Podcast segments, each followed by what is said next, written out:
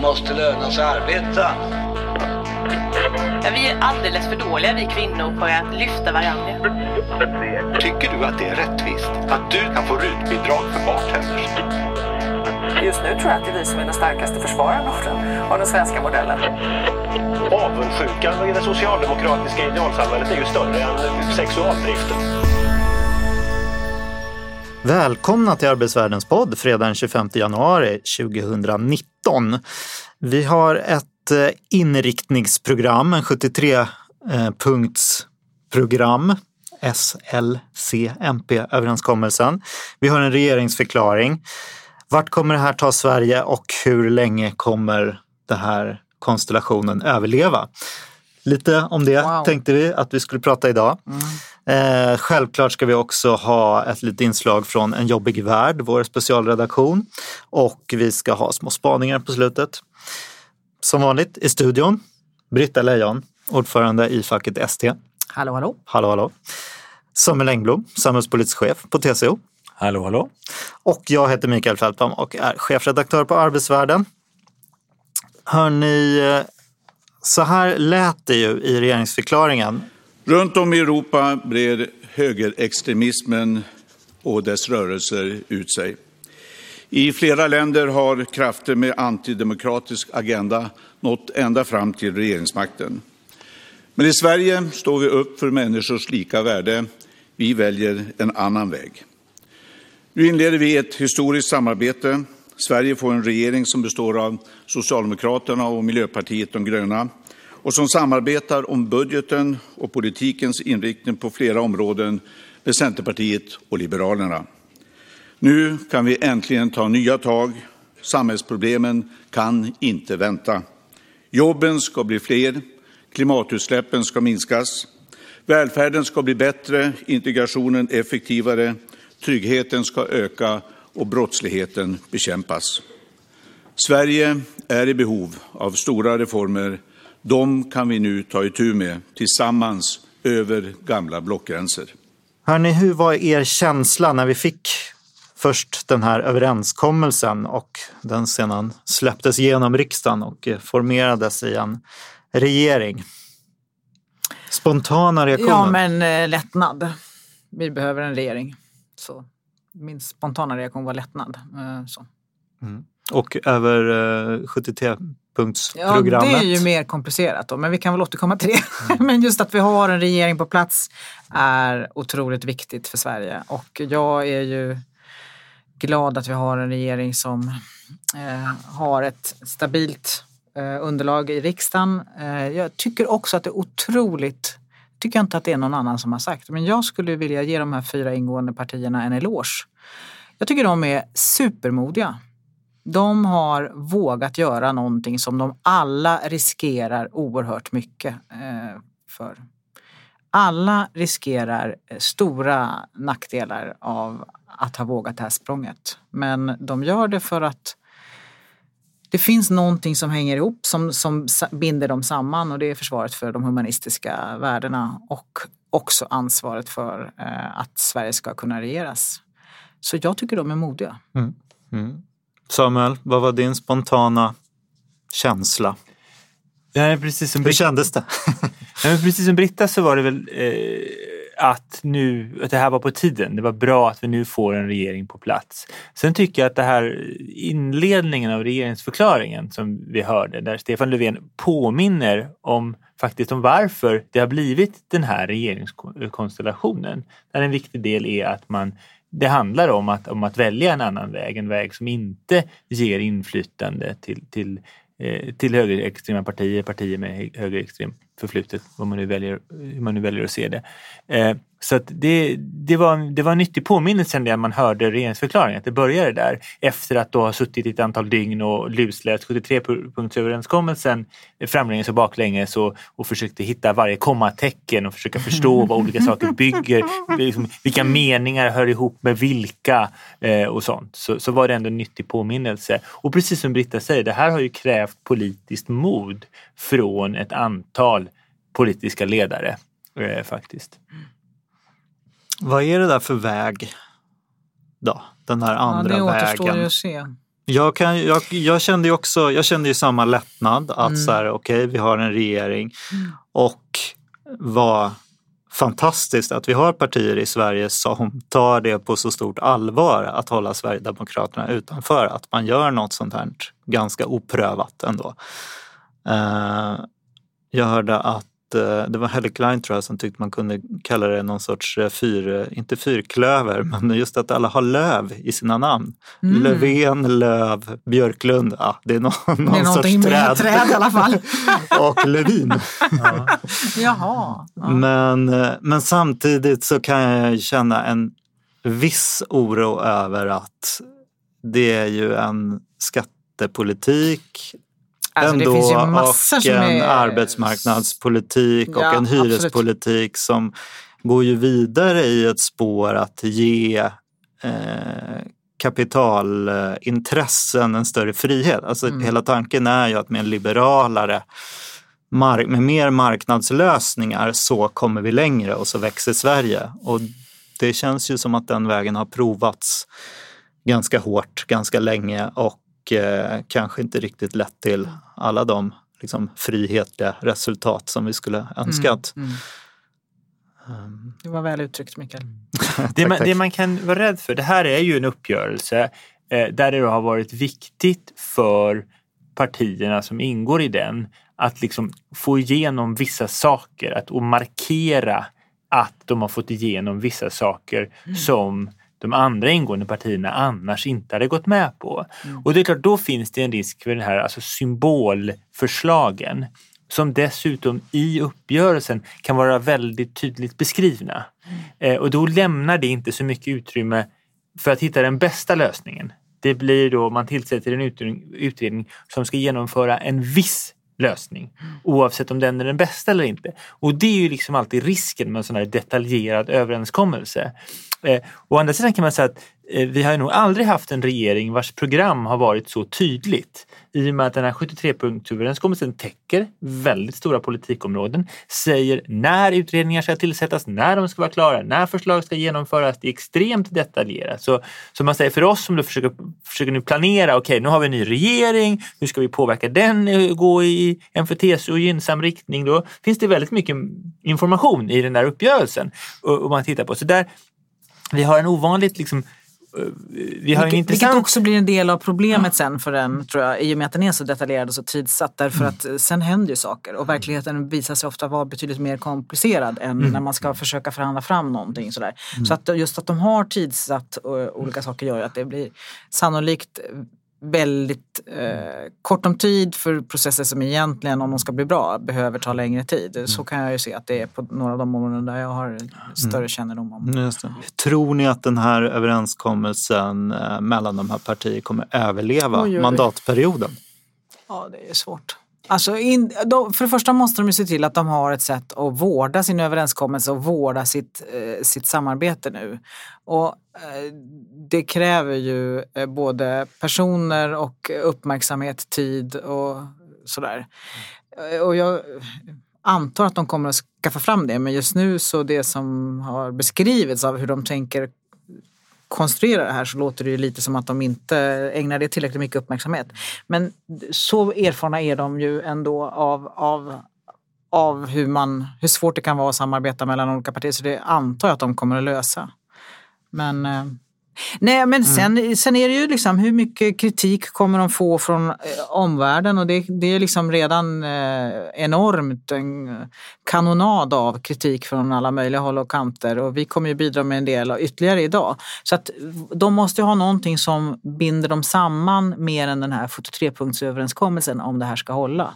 Eh, för att, eh, och, och, och där tror jag att det är ju klart att där har de ju lite dåliga odds eftersom de inte har samarbetat tidigare, inte har vare sig den här personkännedomen eller liksom sen länge upparbetade tilliten mellan varandra som man har om man har jobbat länge ihop. Men, så att ja, det är väl lite dåliga odds skulle jag säga. För dessutom kommer det hända så himla mycket. Det kommer bli eh, mer av lågkonjunktur, sämre ekonomiska tider, kommer ytterligare öka påfrestningarna på, på vilken regering som helst. Men liksom, eh, ja, och det kommer hända en massa, det är en massa saker som inte står i den här överenskommelsen som också kommer kräva... Ja, ja. och sen har vi Vänsterpartiet och... ja, oddsen är väl inte toppen toppen kan jag väl säga. Men nu kan man ju å andra sidan säga att eh, ja, snart har det gått ett år av de här fyra. Eh, så de kanske klarar sig bara för att det, ja. De, har Det är inte så investerat, de, har, ja, men de har investerat så mycket i det här också.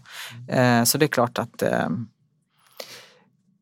av omsorg om de egna ingående partiernas väl och ve så borde de rimligen i, vårda den här överenskommelsen eh, på bästa möjliga sätt. Och det skulle väl möjligtvis tala för att det håller hela perioden. Mm. Samuel, vad tror du? Ja, Jag tror att det håller beroende på precis de sakerna som Britta tog upp sist. Det vill säga att partiledningarna har investerat i detta eh, också gentemot sina egna. De har ett starka personliga intressen av att det här går vägen. Ja. Så det tror jag att det är.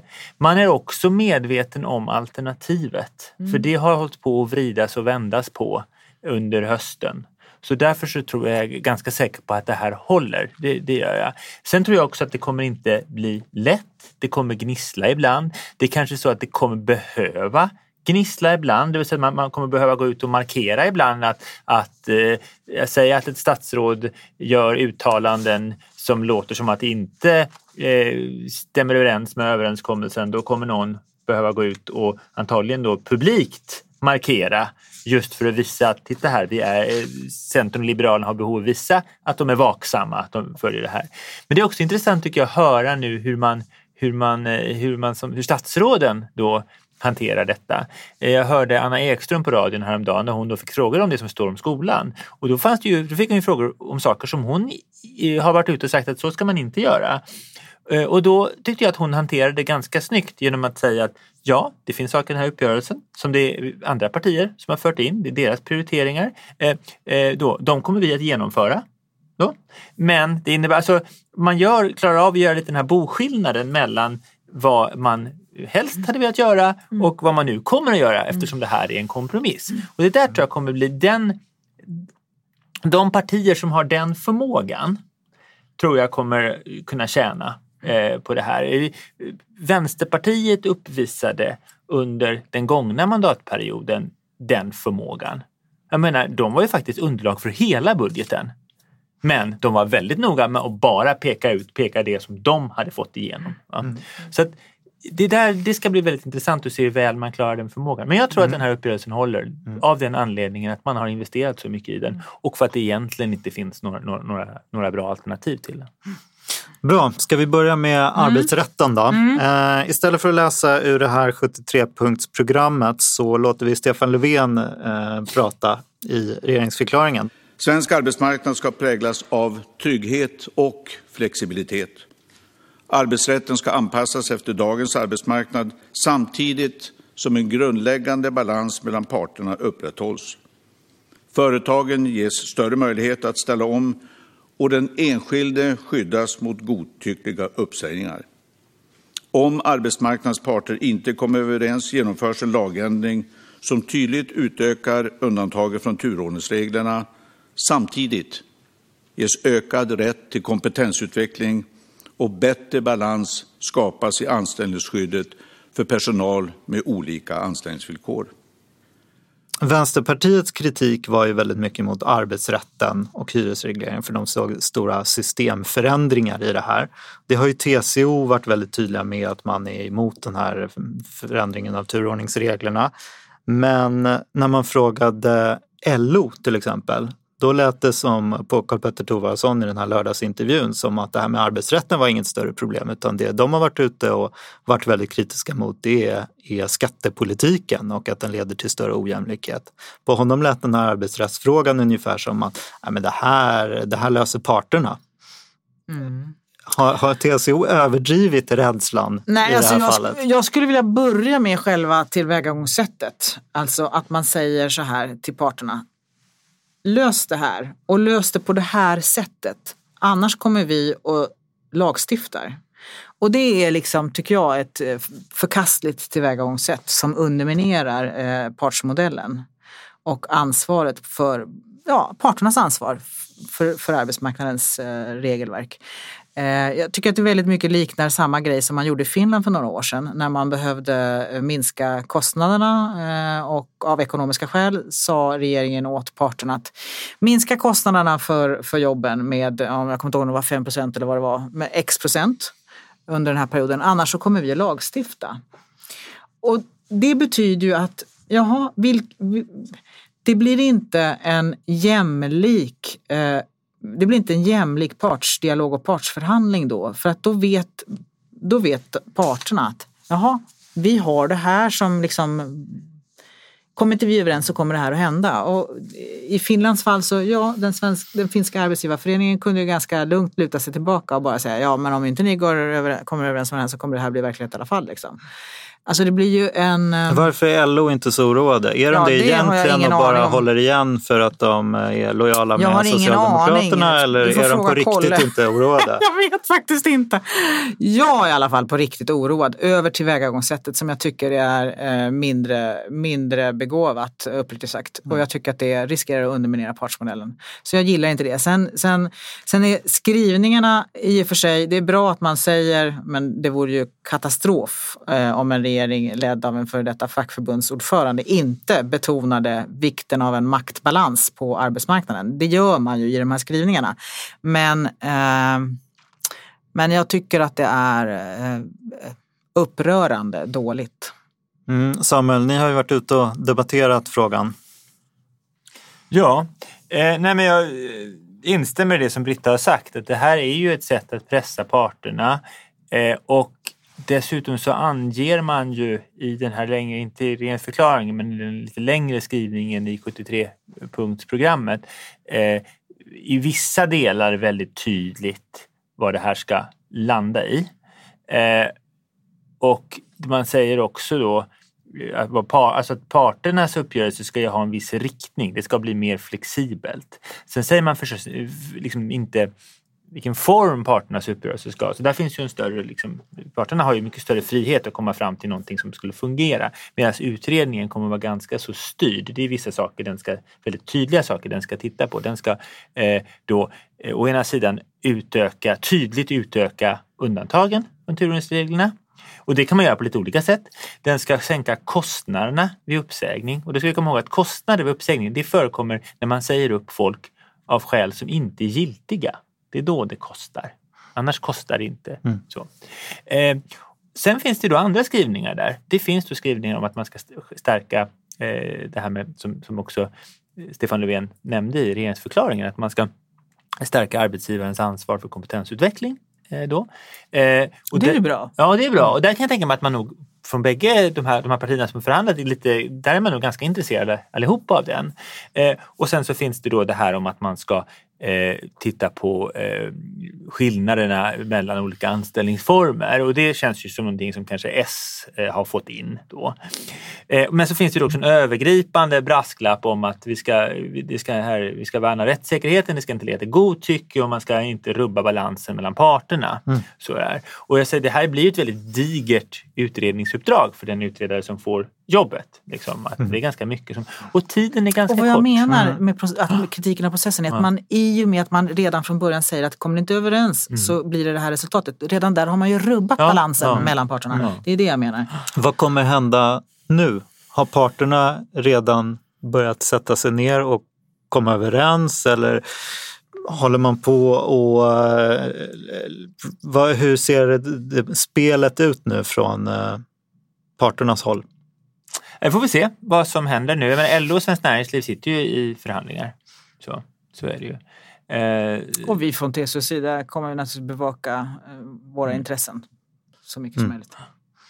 Och det betyder att eh, hålla koll på frågan, påverka utredning. Mm. Det är olika spår här. Utredningen är ett spår, förhandlingarna är ett spår. Mm. Och de här kommer ju löpa parallellt. Det. det får man ha klart för sig. Och räknar man, tittar man på tidsschemat för den här utredningen eh, Eh, så står det då uppgörelsen ska tillsättas i april 2019 och de ska ha trätt i kraft de här förändringarna 2021. Och om vi då tänker oss hösten 2021 och då måste en proposition läggas på våren 2021. Alltså tidigt på våren, vintern 2021. Då måste utredningen vara klar tidig höst 2020. Då måste i praktiken eh, förslagen vara klara juni, juli 2020. Det är inte så långt bort. Mm. Och det är ändå då ganska komplexa frågor. Mm. Eh, och då ska ju samtidigt då förhandlas och de förhandlingarna måste i sådana fall alltså, vara också följa ungefär samma tidsschema och landa förhandlingarna i någonting som i sin tur kräver lagändringar, ja då krävs det också en beredningstid och så här. Så det är ett väldigt forcerat tidsschema. Det ska man Vad har fackföreningsrörelsen för påtryckningsmedel? Alltså jag tänker i, i eh, Finland har vi nyligen sett strejker eh, med anledning av väldigt liknande förslag. Mm om turordningsregler. Mm. Och där riktade det sig också mot just det här sättet. De har ju någon sorts trepartsförhandlingar mm. och att man frångick det då. Ja. Vad, hur ser det ut i Sverige? Ja, vad, vi har ju en vad, gigantisk hur, stor vad, avtalsrörelse mm. under uppsegling här. Det finns väl massor med möjligheter i och för sig och, och både byta äpplen med päron och också eh, liksom trumma upp lite aktivitet. Men, men, eh, men kan de här men, politiska besluten spela in i avtalsrörelsen? Hur går det till? Förklara. Ja men alltså det är klart att eh, om det nu är så att vi från den fackliga sidan eh, kommer att vara inbegripna i någon sorts förhandlingar med arbetsgivarna med ett väldigt forcerat tempo samtidigt har vi en avtalsrörelse. Det är klart att det ena påverkar det andra. Eller, ja, det finns förutsättningar för att göra det, både positivt och negativt. Ja, men så är det ju alltid att om det ligger en, en, en, en massa på förhandlingsbordet men det finns också saker vid sidan av förhandlingsbordet. Det är klart att det på något sätt kan påverka det som händer på förhandlingsbordet. Och man kan ju också ta in saker på förhandlingsbordet som man annars inte hade tänkt skulle finnas där tack vare att det pågår. Så man kommer vara tuff i avtalsrörelsen för att det här det spelar in? Det är fackföreningsrörelsen alltid men det finns ju en risk att det blir svårare. Mm. Och vi kan komma ihåg att då i april får vi direktiv till den här utredningen så börjar den och då kommer alla analysera dem, vilken riktning pekar de? Sen kommer utredningen börja jobba. Den kommer ha samtal med sina den ska ju samråda med arbetsmarknadens parter. Det kommer komma, komma PM till referensgruppen och då göra nya bedömningar vart den här är på väg och det kan ju påverka förhandlingarna parallellt också. Så att det blir en, en komplex process. Det ska vi ha klart för oss. Kommer vi få en stökig avtalsrörelse 2020? Det hade jag trott redan innan det här. Och jag tror inte att den risken har minskat om jag säger så. Varför trodde du det? Ja, det har att göra med hela den här diskussionen som pågår om märket och alla olika inhopp. Sen pratade ju också, jag menar, Karl-Petter Thorwaldsson, eh, LOs ordförande, pratade i lördagsintervjun i, i, i Sveriges Radio häromveckan om mm. att eh, man, när de tittar på uppgörelsen så funderar de på om de ska försöka kompensera sig avtalsvägen för vissa saker. Mm. Och det kan ju också göra den avtalsrörelsen stökigare. Ja. Mm. Vi ska ju förstås prata om, eh, om uh, Arbetsförmedlingen också, mm. Britta. Men ja, jag tänkte vi sticker in några, till, några mm. till grejer om arbetsrätten. Jag kan ta något som är positivt emellan så att jag behöver bara vara negativ. Finns det några sådana? ja, ja, men, ja, men vi kan faktiskt. ta det här med etableringsjobben. Uh, de ska ju gå igenom parternas förslag uh, till hur man ska få in långtidsarbetslösa och nyanlända på arbetsmarknaden till löner som Eh, Eh, då ligger på lägsta lönenivåerna men med ett inslag av utbildning i sig, eller hur? Men nyheten här är ju att det här ska inte bara ske eh, mot företag som har kollektivavtal utan det ska också ske eh, det ska ske rätt över, även i bemanningsbranschen och företag som saknar kollektivavtal. Hur går det här till? Nej, men det här var ju, om vi, jag tror att om man skulle lyssna tillbaka på några avsnitt av den här podden från före valet eller strax efter valet när vi har pratat om vad det är man måste göra upp om så, så tror jag att jag har nämnt just det här att eh, vi hade då i valrörelsen en konflikt mellan å ena sidan parternas etableringsjobb som parterna, både eh, liksom den arbetstagarsidan och eh, arbetsgivarna stod bakom och som då den dåvarande regeringen hade sagt ja till och eh, alliansens eh, Eh, då, vad hette de nu? De hette eh, alla sådana här jobb heter ju ungefär likadant. Ja, precis, men nu de har man glömt bort just den ja, eftersom den eh, De hade en variant som byggde då på att man faktiskt skulle gå in och göra ingrepp i kollektivavtalen och, och säga att där det också handlade, men där det också handlade om, om det här med lägre lön och sen utbildning eller upplärning. Av Just det, man skulle lägga sig på 70 procent ja, ja. av lägstalönerna. Och då sa jag att den, liksom, kompromissen kommer ju säkert bli att man genomför etableringsjobben, men man hittar på någonting kompletterande för de företag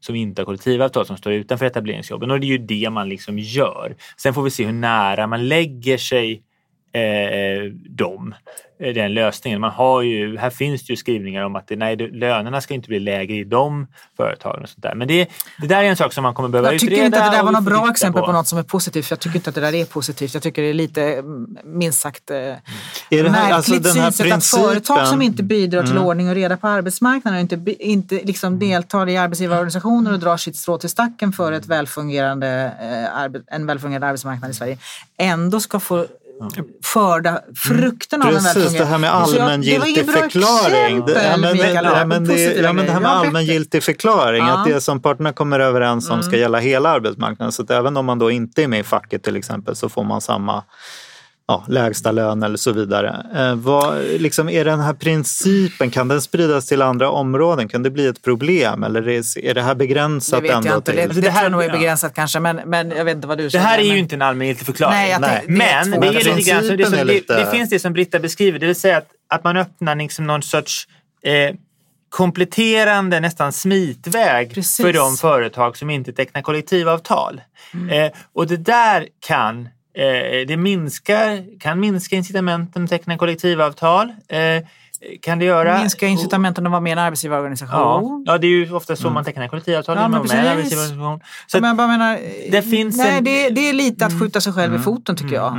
Eh, Och att lite, återigen riskera att underminera den svenska modellen. Ja. Och det här är också, det får man komma ihåg, det här är också en tid när, eh, när kanske kollektivavtalen behövs mer än någonsin. Mm. För det, ju, jag tycker att ju mer man tittar på det, desto mer ser man hur man i kollektivavtalsvägen har löst sånt som politiken inte klarat av att lösa.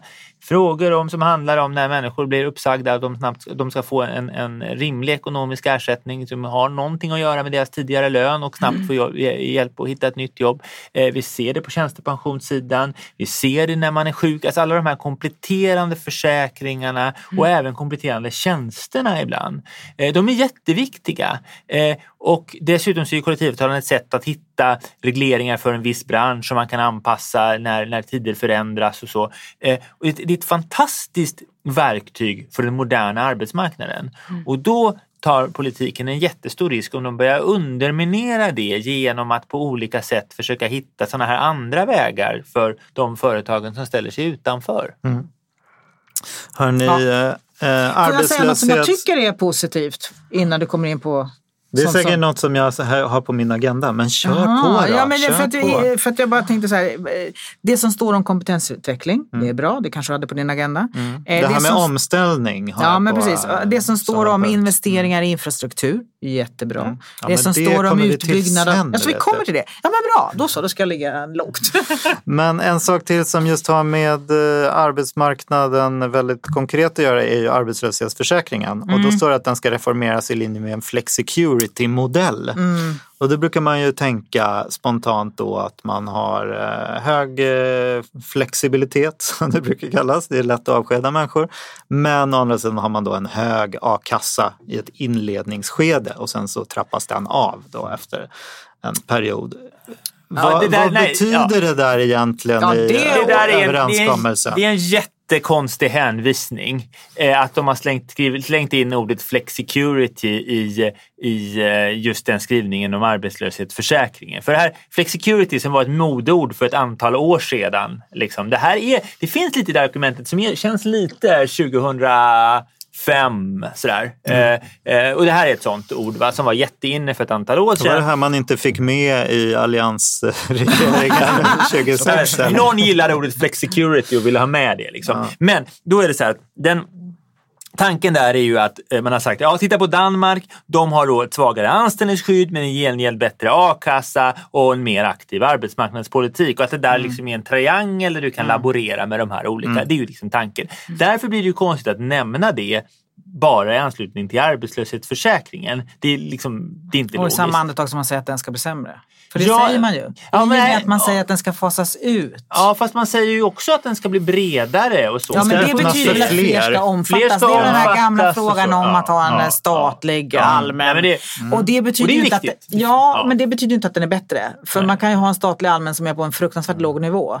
Och det är ju inget bra och som dessutom fasas ut tidigt. Alltså, det- så men- jag, ja. jag, nej, det här tycker jag ser, det här är en av de här andra grejerna som jag är jätteoroad för. För när jag läser det där så läser jag, det är möjligt att jag, min vanliga hjärna för att liksom se eh, det som är problem först dyker upp. Men jag, jag ser bara bekymmer med det där. Jag ser bara risken för att att få, vi har redan idag problem med att a-kassan inte är tillräckligt eh, väl utbyggd, tillräckligt hög för att eh, stora grupper ska kunna ha, känna trygghet eh, vid när man befinner sig mellan jobb, som vi kallar det. Eh, och med de här skrivningarna så läser jag bara in att folk ska fasas ut snabbare och eh, visst, fler ska tryckas in eh, i en då dålig arbetslöshetsförsäkring som vi som fackförbund får ta ansvar för. Och istället för att stå för någonting som är bra så får vi försvara eh, någonting som politikerna har bestämt sig för ska ligga på en alldeles för låg nivå. Och dessutom så är den så det är ett sånt lapptäcke så här idag så att jag menar, det är ju väldigt svårt för våra medlemmar att veta exakt hur de ska göra för att det ska bli rätt. Så vi får ju ägna alldeles för mycket tid åt att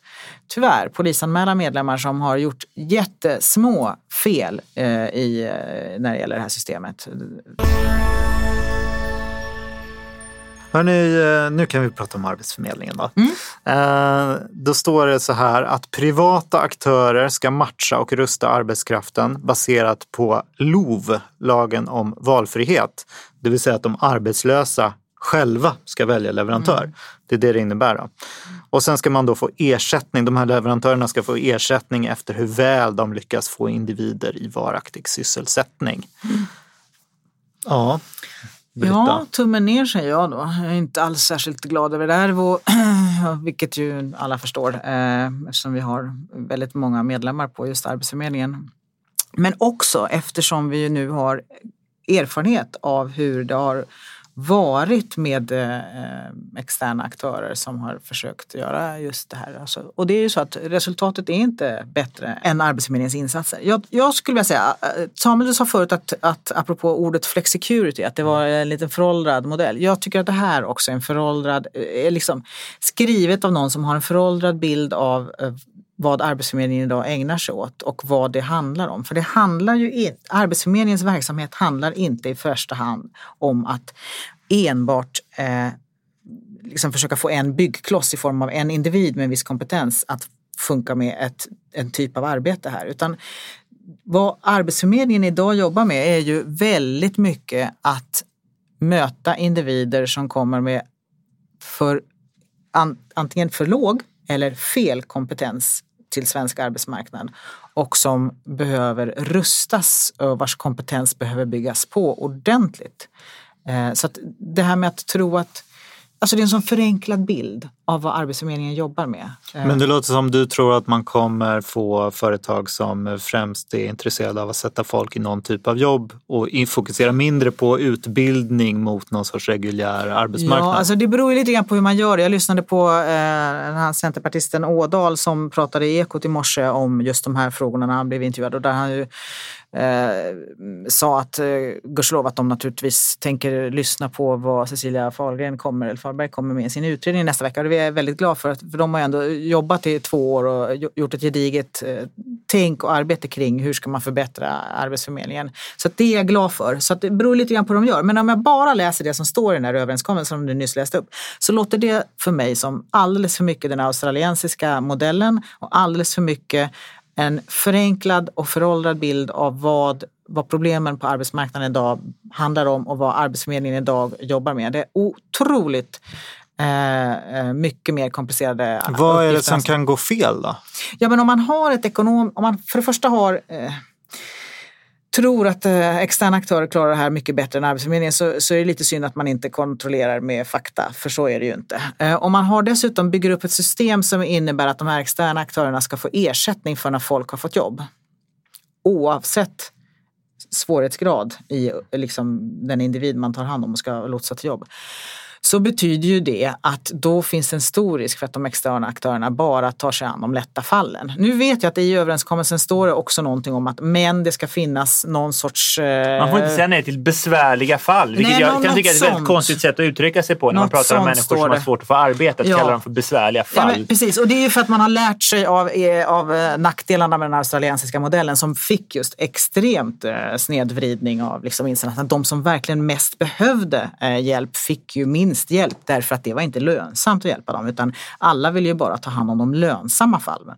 Alltså, eh, så att jag säger så här, det som står eh, ger mig kalla kårar och jag tycker att det är en otroligt eh, felaktig bild av vilka, vilka stora insatser som krävs idag för att kunna inte matcha utan rusta människor som står långt från de jobb som finns idag på arbetsmarknaden. Att rusta dem, att bygga på deras kompetens, att möta dem, att se vad är det de behöver och ge dem förutsättningar att kunna eh, vara tillräckligt kvalificerade för att ta de jobb som finns. Det är ingenting som man gör på en kafferast. Eh, Och det krävs eh, mycket mer än kortsiktiga ekonomiska incitament för att lyckas med det bra. Jag tror att Men- Martin Ådahl sa i den här intervjun Ja, också han- att det är, väl, det är väl ganska, det här är ju Almegas förslag liksom, till hur man ska göra. Och eh, tanken är väl, alltså man kan väl misstänka att ja, det, dels är det naturligtvis att öppna upp en marknad för eh, företag i en sektor som har varit eh, statlig men de Vi har ju föreställer redan sig att det vi ska ge incitament eh, till eh, utveckling och nya idéer och så vidare. Vi har redan idag väldigt hög andel av av externa aktörer inne och, och bidrar. Och jag tycker det, Är det bra eller? det kan vara bra om de har en kompetens och en, en kunskap som inte Arbetsförmedlingen har. Så att de kan vara ett, ett komplement, bidra till ja, sånt som inte Arbetsförmedlingen kan. Men, men jag har, det som står eh, tycker jag inte känns eh, klokt om vi är intresserade av att ha en arbetsmarknadspolitik och utbildningspolitik, för det hänger ihop, som gör att Sveriges arbetsmarknad funkar väl. Men det som gav mig hopp, det var det eh, herr Ådahl sa i radion i morse då, att de naturligtvis också ska ta intryck av den här utbild- utredningen kommer med. För att jag hoppas ju att alla som nu ingår i den här nya regeringen faktiskt är intresserad av att göra någonting som tjänar Sverige bra. Inte någonting som Almega bara har beställt utan någonting som kan vara långsiktigt hållbart. Och då hoppas jag ju att man är intresserad av att faktiskt ha väl eh, underbyggda eh, lösningar som faktiskt kan fungera väl så att vi inte får ett system där de som står längst från arbetsmarknaden överges av alla. Samuel, har du någon kompletterande Ja, tanke? alltså flera saker. Dels kan man säga att eh, det där handlar ju om en LOV-lösning. Hela den punkten handlar om en LOV-lösning på en del av arbetsmarknadens, eh, Arbetsförmedlingens område, långt ifrån hela verksamheten. Eh, och ska man gör, genomföra allt det de skriver där i en LOV-lösning, det är inte helt enkelt. Det kan jag säga rent tekniskt att göra. Och LOV-lösning, det betyder just att det är Man- slutkunden som ska Ja, få välja alltså- leverantör. Så- så- så här, LOV är alltså ett undantag egentligen från upphandlingslagstiftningen som istället bygger på att eh, man sätter upp kriterier, alla företag som uppfyller de kriterierna får vara med och sen väljer kunden. Eh, och då finns det ett antal begränsningar där och här vill de ju då sätta upp kriterier för de här företagen och det där det ska bli intressant att se hur de löser det. Men det som, eh, och som också Britta är inne på, det är ju att det här är ju då diskuterat det här som att det vore hela Arbetsförmedlingen. Det är det inte. Därför att det här handlar ju framförallt om det här sista steget i matchningen. Där det finns en person som någon skulle kunna tänka sig att anställa. Ja? Och med eller utan stöd. Och en arbetsgivare. Att Den här sammanförandet, det är framförallt det. Tittar vi på ut, ut, alltså vad gäller utbildningar och sånt så ligger det ju redan idag på privata aktörer. Man köper in det. Där är det ju så att det där har ju, vad gjorde man en gång i tiden för man tänkte att det skulle bli mer flexibelt. just. Och det, har ju, och det var ju fanns säkert eh, liksom en bra tanke med det. Men det vi har hamnat i det är ju ett läge där ibland så leder upphandling till en mindre flexibel eh, Eh, situation därför att de kan överklagas och då får man inte ta in någon annan aktör och sånt där. Så vi har ju fått en av flera skäl en mycket mer så att säga, nyanserad och mer komplicerad diskussion om det här med att lägga ut verksamheter.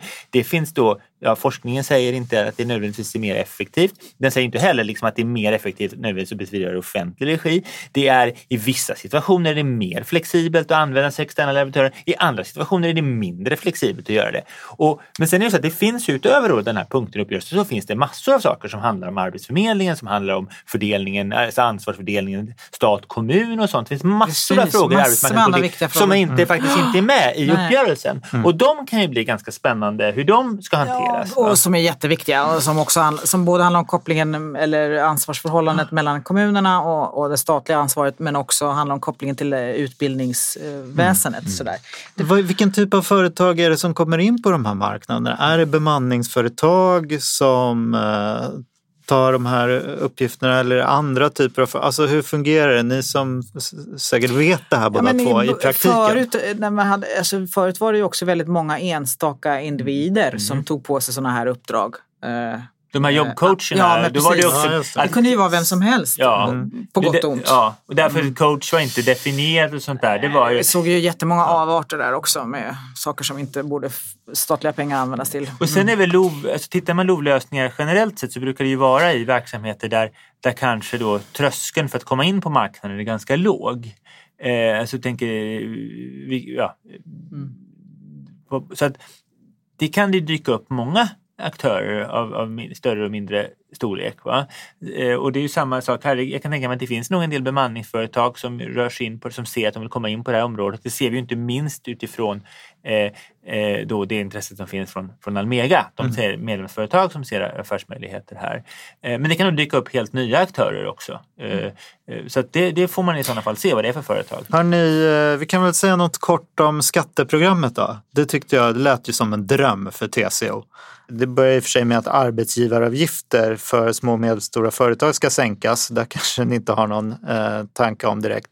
Men gränsen för statlig inkomstskatt ska höjas, värnskatten tas, ska tas bort. Det här leder ju till sänkta marginalskatter. Eh, Det ska ske en grön skatteväxling från arbete och företagande till miljö som ska motsvara ungefär 15 miljarder. Eh, Rutavdragen ska tredubblas. Eh, Personaloptioner ska förenklas.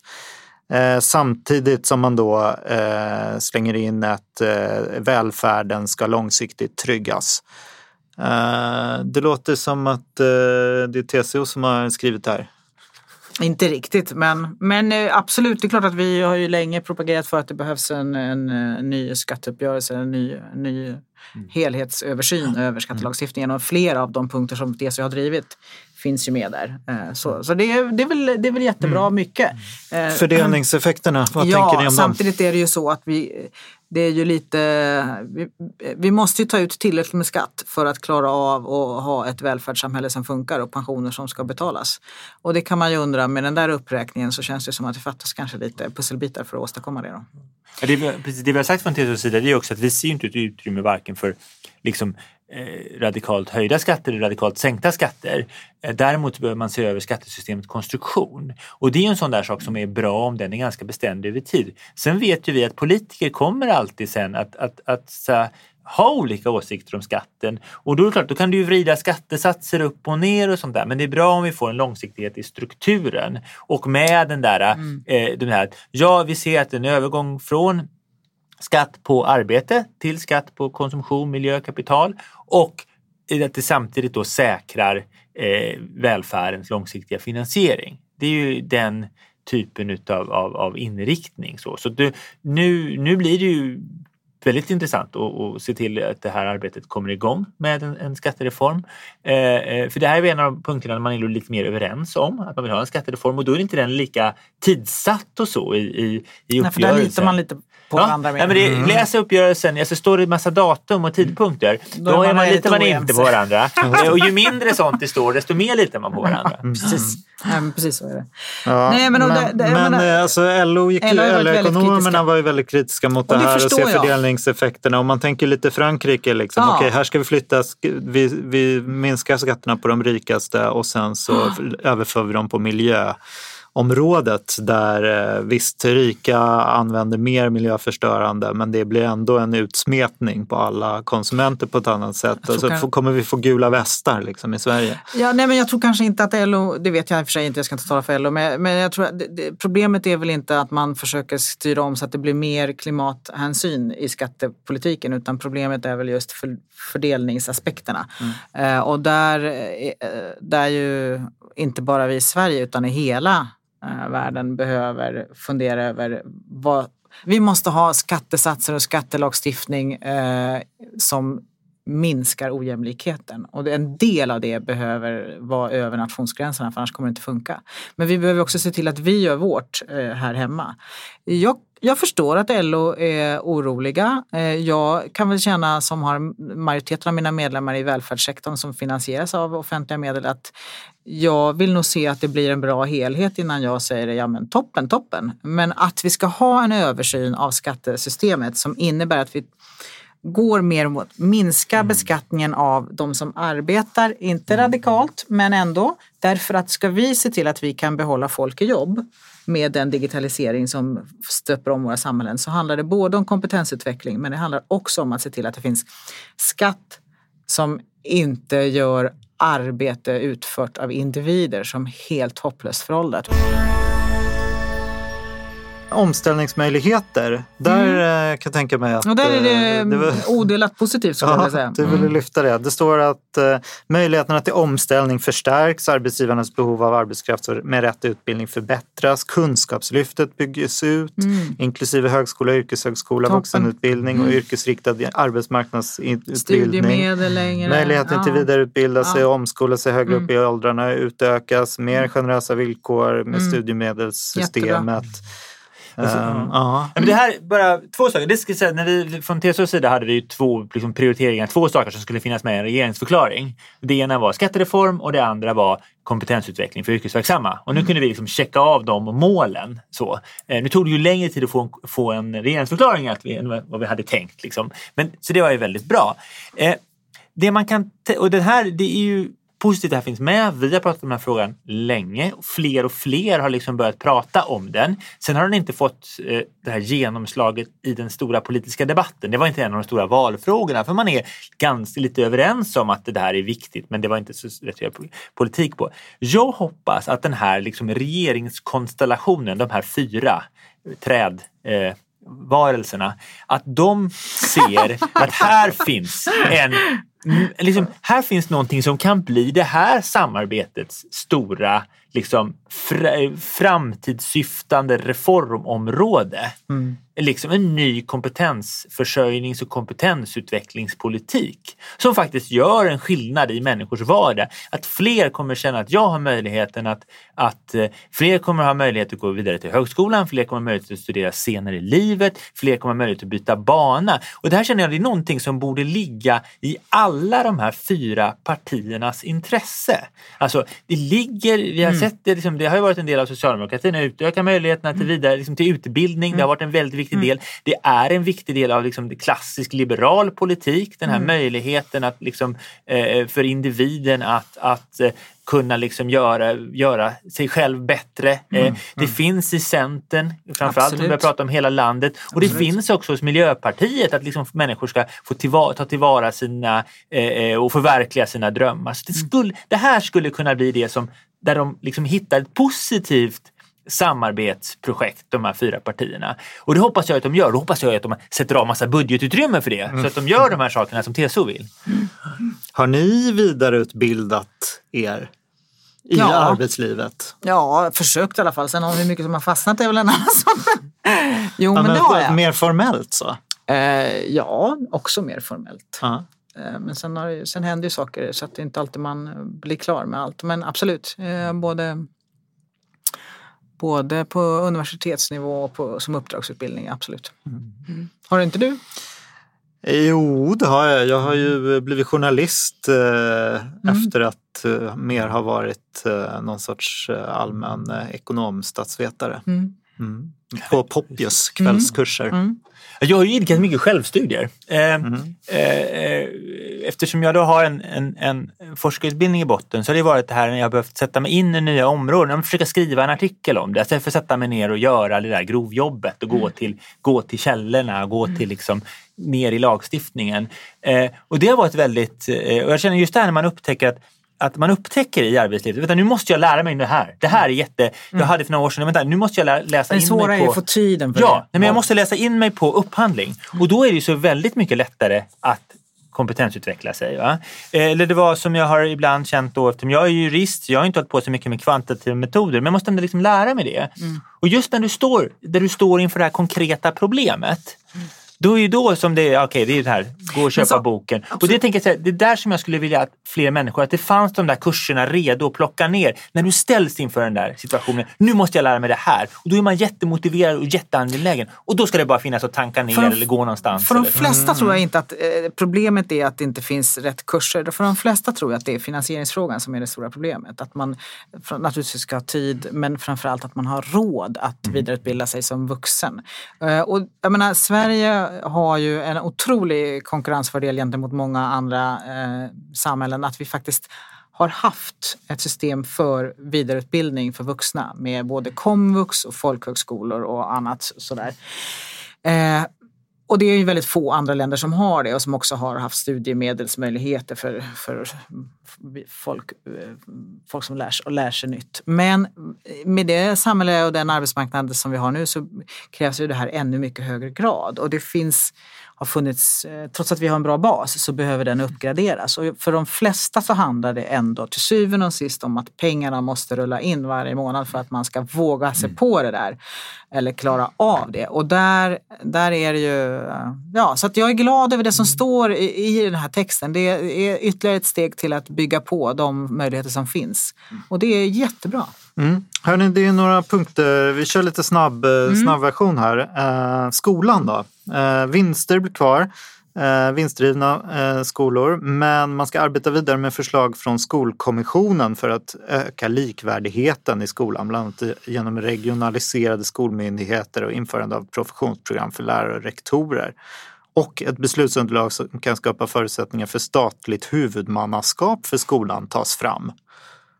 Det låter ju som Lärarförbundet eh, kan jubla över det här med eh, öka likvärdigheten. Mm. Jo, det finns en massa kodord där som är med som är bra. Jag måste säga att jag är lite för grund i de här frågorna för att riktigt kunna på djupet säga om det där känns tillräckligt bra. Jag vet inte om Samuel är Nej, men mer jag- inläst på skolområdet. Nej, men jag, har sett att, jag har sett att Lärarförbundet har varit positiva. Och det är klart, det, här finns det någonting som...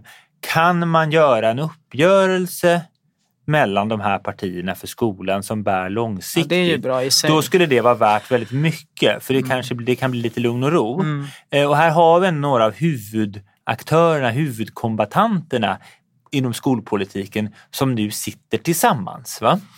Eh, eh, Jag tänker på Liberalerna, jag tänker på Miljöpartiet, jag tänker på Socialdemokraterna som verkligen har varit, liksom, haft mycket lite olika ingångar i de här frågorna. Och det kan ju bli bra på sikt om de får hitta de här lite långsiktiga, robusta lösningarna. Vi hade ju en eh, podd faktiskt om eh, likvärdigheten i skolan, den här Ett söndrat land. Och jag tänkte just på, det, det, den podden fick ju mig att inse lite den här betydelsen av eh, lottning till översökta skolor. Det som Skolkommissionen kom med som förslag. Att jag tror att det skulle förändra eh, sammansättningen ganska mycket, liksom, att verka ganska utjämnande. Eh, Och det, eh, om man nu ska arbeta vidare med förslag från Skolkommissionen. Mm. Nu mötte ju det väldigt hårt motstånd från Alliansen den gången. Men eh, ja, jag vet inte Nej, om ni jag har någon. Det tanke var ju om också ni ett tror förslag att det som kommer blev hända något. väldigt misstolkat. För det handlade ju Ja, om det folk var... trodde ju man skulle i- lotta Nej. liksom, eh, random Nej, till det var vilken skola i som helst. situationer där det finns fler sökande till eh, än det finns platser på en viss skola. Då skulle man kunna, istället för att titta på kötid, det vill säga som är sånt här som när på året är du född och hur Mm. väl insatta i systemet var dina föräldrar, som ju lite, också är lite slumpvariabler om vi ser ur barnens perspektiv, så skulle man istället ha en ärlig lottning. Mm. På dem. Och det, här, det är ju inte eh, som så, de flesta skolor är ju inte så översökta. Och så. så att det, det där var en extremt konstig debatt som Mm. väldigt snabbt förvanskades till någonting. Det var ju så, okej vad ska vi göra när allt annat är lika? Vad gör vi då? Ja men då hamnar Mm. Men vi tror du inte att det förvanskades just för att det faktiskt skulle ha ganska stora effekter? Det skulle förändra affärsmodellen ganska kraftigt, tror jag. Det är klart att det skulle göra. skolor. Mm. Eh, hörni, vård. Det ska finnas goda möjligheter att läsa till specialistsjuksköterska med bibehållen lön. Satsning på bättre villkor och karriärtjänster för att öka attraktiviteten till att bli specialistsjuksköterska genomförs. Och där finns det ju kollektivavtalade lösningar som Vårdförbundet har tagit fram och som man har i nästan tror de flesta landsting nu. Och jag hoppas att, liksom, att det är de man tänker att man ska bygga vidare på och inte hitta på några nya grejer. Mm. Och sen så polisen, 10 000 fler poliser. Eh, till, eller polisanställda, Polisanställda till jag väl. 2024. Mm. Mm. precis, lite skillnad. Eh, attraktiviteten i polisyrket ska förstärkas genom bättre villkor, säger man också. Migration, alternativt skyddsbehövande n- ska ge samma rätt till familjeåterförening som skyddsbehövande. En eh, bra förändring. Japp. Och sen så fick vi de här snabbtågen nu då, Ja! som du har talat dig varm för. Det var det. Bra. Snabbgenomgången. Mm. Hörrni, vad, kan ni inte säga någonting om ministrarna? Då? Var det något spännande kort där eller blev ni förvånade? Vad kände ni? Det första jag tänkte var dagarna innan att ministerspekulationerna var ganska tråkiga. Det kändes som att tidningarna skrev av varandra. Eh, så. Och ingen, jag tänkte på Göran Persson, han var ju känd för att liksom dra namn ur hatten. Det var ju så här. Och det kände man, nu vi- visste vi ju inte hur Stefan Löfven skulle göra. Men jag tror alla gissade att nej, han kommer nog inte vara så mycket namn ur hatten. Och det var det ju inte heller. Det här var ju personer som man har ganska bra koll på och jag tror ganska väntade placeringar eh, och så. Så det, det För jag tycker att det är lite... så, kan man tycka att det var lite trist men det kanske är ju bra med kontinuitet och sådär. Det. Jag, jag, till exempel, jag, menar, jag tycker när tidningarna håller på att spekulera om eh, menar, eh, folk som i övrigt är jättebra men aldrig håller på med politik så tycker jag att det kunde ju vara bra om de kunde bry sig om lite grann vilka riksdagsledamöter har suttit länge i vilka utskott. Och, jag menar, så kunde de kanske träffa lite mer rätt nästa gång de ska gissa. Så, ja, ja. ja. Det var så det blev. Du med lite insight i... Mm, jag hade absolut ingen insider men, jag, men i och med att jag Nej, hållit du på med kände- politik ja, och precis. varit riksdagsledamot och statsråd Så vet du hur det funkar. Och det Lite var ju lite gamla utskottsordförande Ja. som lyftes upp till Ja, och det är inget konstigt alls. Var det så att eh, nu att eh, Damberg fick Ygemans gamla post ja, som inrikes Ja. minister och polis... Ja, eh, nej, jag ska inte svära på rakt av men jag titeln men inrikesminister. Så eh, betyder det här att de ska liksom få visa upp sig på, i exakt samma position för att sen så ut, utföra en blodig kamp om partiledarskapet i Socialdemokraterna? Jag har faktiskt verkligen Jag ingen aning. Det där, nej. Eh, Är det någon som vet vem som ska bli gruppledare för S eftersom Ygeman nu blir statsråd? För det, apropå viktiga positioner, så skulle jag vilja säga att den som är gruppledare för, i, för alla de här är fyra partierna, eh, men framförallt för S som ju är det största partiet här, det är ju otroligt viktigt skulle jag vilja säga, nästan viktigare än ett statsråd idag. Därför att makten ju är förflyttad från regeringskansliet till riksdag. Och det är förhandlingarna i utskotten i alla de frågor som inte täcks av den Ja, här ja, överenskommelsen. Jag som blir de- jätteviktiga. Men också i de frågor som täcks av den här överenskommelsen. För jag tänker, för i, i överenskommelsen så finns det ju faktiskt alltså, eh, skrivningar om hur, hur beredningen ska gå till. Eh, eh, och då hamnar de frågorna, tänker jag, utanför riksdagen eh, sannolikt. Liksom. Det, är inte, det, blir inte, det, det, då ska ju det, det som kommer till utskotten ska ju vara klart, tänker jag, med de här partierna. För, då, för det, finns, hur man, det finns en ordning där. Eh, men eh, det som är intressant är ju då ska ju liksom två ganska små partier, jag menar Centerpartiet och Liberalerna ska då förhandla med en regering som har liksom hela det bakom sig, regeringskansliet bakom sig. Framförallt Liberalerna kanske har ju inte så stora resurser som till Centerpartiet har. Så det där kan ju bli, det ska bli intressant att se hur de riggar det där sen. Men sen så håller jag med Britta, det ska bli intressant att se vad som händer i riksdagen. Vem blir gruppledare för de olika partierna? S behöver ju en ny då. Eh, också utbildningsutskottet behöver en ny ordförande. Det är också en väldigt viktig post. Så att det ska bli Nej, intressant men det är viktigt att och man måste ju också här. förstå att eh, de andra partierna som inte ingår nu i det här regeringsunderlaget kommer naturligtvis att göra allt för att försöka göra livet eh, svårt eh, och försöka hitta, jag menar i de punkter som inte ingår här, det kommer ju finnas liksom massor med påtryckningsförsök i utskotten, att, utpressningsförsök och förhandlingsförsök. Så att det är ju grymt viktigt vad som händer i utskotten och de här gruppledarna kommer att ha en jättestor betydelse för hur det går med det här samarbetet.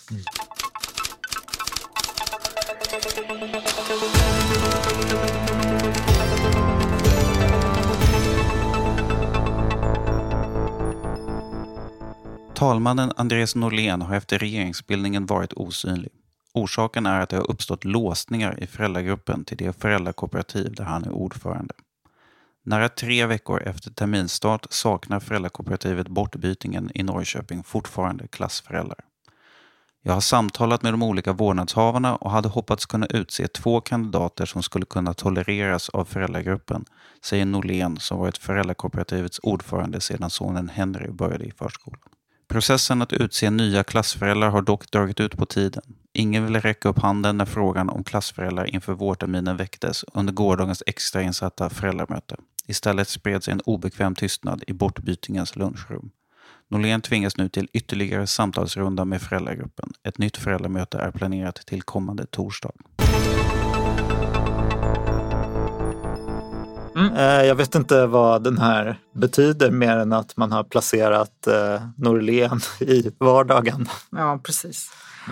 Nej, och att han väl eh, kommer vara en av talmän, talmännen i vår svenska politiska historia som folk kommer att komma ihåg. Spaningar ska vi väl avsluta med. Mm. Där har ni funderat rejält föreställer jag mig. Nej, men du har ju varit i Turkiet. Ja, men det är ju ingen spaning. Nej, det är men det är någonting spännande. Ja, men jag kom precis tillbaka från eh, att ha varit den här veckan i Turkiet och besökt eh, våra systerförbund bland de offentliganställda. Och som alla som har följt den politiska händelseutvecklingen i Turkiet vet så har det ju alltid eh, varit ett land som har haft eh, svårt att acceptera fackligt aktiva facklig aktivitet. Men det har ju varit eh, ännu värre efter det senaste kuppförsöket. Så att eh, 100 000 drygt offentliganställda, det tror jag vi har pratat om någon gång förut, eh, har ju blivit av med jobbet eh, med väldigt konstiga hänvisningar. Och det har ju räckt med att man som universitetslärare skrivit på en fredspetition eller att man som vårdfacket lokalt har anordnat en demonstration till förmån för människors liv och hälsa eller vad som helst. Normala, väldigt eh, basala fackliga aktiviteter som leder till att folk blir av med jobbet, de blir fråntagna sina pass, de får inte resa utomlands, de blir föremål för eh, Kafka-liknande rättegångar som pågår år ut och år in och de slängs i fängelse. Otroligt eh, obehagligt eh, att vara på plats. Vi åkte dit för att markera vid två rättegångar eh, där våra fackliga kollegor eh, är, som är föremål för.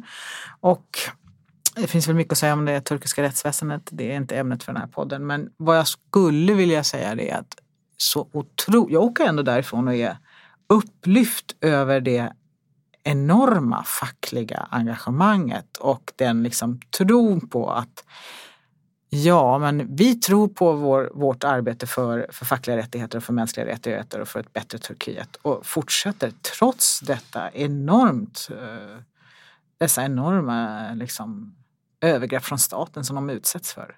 Och vilken enorm sammanhållning eh, internt i, i in, inte i hela fackliga rörelsen, de krigar ganska friskt mellan sig om, om medlemmarna, men, men liksom internt i förbunden. Gud vilken sammanhållning! Jag blev upplyft och också naturligtvis eh, förfärad över villkoren. Men eh, det är också superintressant att se hur, hur ett sånt där samhälle där rättssystemet och medierna inte är fria och oberoende utan ett verktyg för makten, hur det påverkar mentaliteten och eh, vilka, vilka överlevnadsstrategier man måste ha för att överleva i sådana samhällen. Mm, superintressant. häftigt. Ja. ja, jag har inte heller riktigt någon spaning men jag, har, eh, jag insåg nu att den här, jag var på den här Handels eftervalskonferens här igår och insåg att den här spaningen kanske är oerhört eh, fackligt eh, in, inkorrekt. Inkorrekt, ja. Mm. Politiskt inkorrekt. För det var, jag har ju börjat kolla på en serie, på en tv-serie på Am Amazons eh, egen eh, Wow. streamingtjänst. Jag har aldrig kollat på något. Jag har, kan försvara mig med att jag inte betalat utan det är så här prova på en månad för, en, för den här seriens skull. Ja, men jag, jag, Vad är det för något att det, kolla det på? berättades ju att de är en otroligt eh, dålig arbetsgivare. Eh, ja. Eh, och har ju tyvärr väldigt många anställda så det är många som påverkas av detta. Mm. Men jo, men jag har kollat på en serie som heter The Marvelous Mrs Maisel. Mm. Som handlar om en eh, hemmafru som börjar göra sin karriär som ståuppkomiker i Mhm. 50-talets eh, New York. Och Wow. hur hon liksom, ja men det, den påminner ju lite om Mad Men. Liksom, i sin så här, det är väldigt snygg och eh, det har li- lite temat också att hemmafruns liksom, nervösa sammanbrott i att bara ta hand om barn och inte komma ut på arbetsmarknaden. Så den är ju, har ju en väldigt så, feministisk touch liksom. Eh, och det som är lite Alltså det som jag- man tänker på, det är ju lite aktuellt samtidigt kände jag, även idag, liksom med att det här med att kvinnor kommer ut på arbetsmarknaden, kvinnor är mer välutbildade än män. Alltså det finns, det väcker, man ser ju reaktionerna där är ju att män tycker det här är väldigt jobbigt och det blir väldigt hånfulla kommentarer och eh, hennes man klarar inte av det här, liksom, hennes egna karriär och så vidare. Och jag tänker att det är en del av det vi ser idag Alltså det, det fortfarande väcker reaktioner liksom att kvinnor tar över, alltså det skapas en känsla av att kvinnor tar över en sorts liksom det är en framgång för demokratin och för jämställdhet och så vidare som ändå har lett till någon sorts backlash idag när man ser att den utvecklingen gör folk rädda, lika rädda som ja, ojämlikhet eller så vidare. Att man vänder sig emot kvinnors möjligheter. Att det, den, trots att den är liksom så här 60 eller 50-talsskildring så är den ju aktuell på något sätt mm. även idag. Liksom. Mm. mm. Det, var min, det är min, jag kan faktiskt rekommendera serien. Jag tyckte den var väldigt rolig. Det är ju en ibland tror jag förbesedd del av en del av de här strömningarna som vi ser. Alltså, alltså Sverigedemokraterna, Trump, eh, vad vi ser eh, Orban, Polen och så här. Det är ju eh, att man är Eh, att en del av deras narrativ är att jämställdheten har gått för långt i en ofta mm, ganska Absolut. diffus mening. Och, och sen finns det ju sådana här ganska konkreta saker som eh, fråga, alltså attacker på aborträtten och sånt. Så det, mm. Ibland glömmer man lite hur viktigt det där är för den typen av rörelser och, och vad det kan leda till. Mm. Liksom. Eh, vi ser ju, ja, men nu har vi Bolsonaro i Brasilien och sådär också. Mm. Mm. Men, men, visst är det väldigt intimt kopplat. Ja, ja. Eh, liksom, men, eh, att man är, känner sig hotad av kvinnor och man eh, alltså, föraktet för, för homosexuella och föraktet för kvinnor. Det, ja, men det, är, det är en ingrediens. som man sorts, Men när du sa, mm. berättade att du hade varit på den här handelskonferensen och sen började du ja, prata om tv-serier. Men då tänkte jag, för då trodde jag, vad jag trodde du skulle komma då, tänkte jag, äntligen tänkte jag. Mm. Nej, för då tänkte jag att, att äh, äntligen har någon gjort den där deckaren som borde göras, där huvudpersonen är en fackligt förtroendevald eller en, en liksom ombudsman eller en förbundsjurist. Eh, som, som liksom, där det är den som är hjälten. Jag skulle, man skulle kunna bygga en jättebra deckare kring den här som, du vet det här klassiska, ett rutinärende som visade sig vara något mycket större. Något som verkade vara som det var en liksom helt vanlig tvist ute på någon arbetsplats och så nystas det upp korruption och rysk maffia och så här och så liksom och den här hjälten som är den här eh, den förtroendevalde eller den, den liksom, eh, ombudsmannen eller förbundsjuristen som på liksom nystar upp det här och, och hamnar i så här svåra situationer och som måste använda sig av sitt nätverk av, av medlemmar som kan stoppa ett flygplan från att lyfta på Arlanda. Alltså, ja, det finns en jättebra story att skriva skriva där. Jag, jag har faktiskt oj, oj, oj. länge tänkt att varför, varför, är det ingen som gör filmer om, om just eh, ja. den fackliga världen? För det finns ganska mycket spännande att göra. Ja. Nu väntar vi på Samuels ansökan om tjänstledighet. min, min, kommer min, sätta sig på kammaren och Nej, Jag ska gå ut och crowdsourca min, ja. min, eh, eh, den här boken. Liksom. Mm. Eh, och så, och så får, får man, man kan ju sälja vad heter det, eh, sälja sådana här hypotetiska andelar i filmrättigheterna. Så.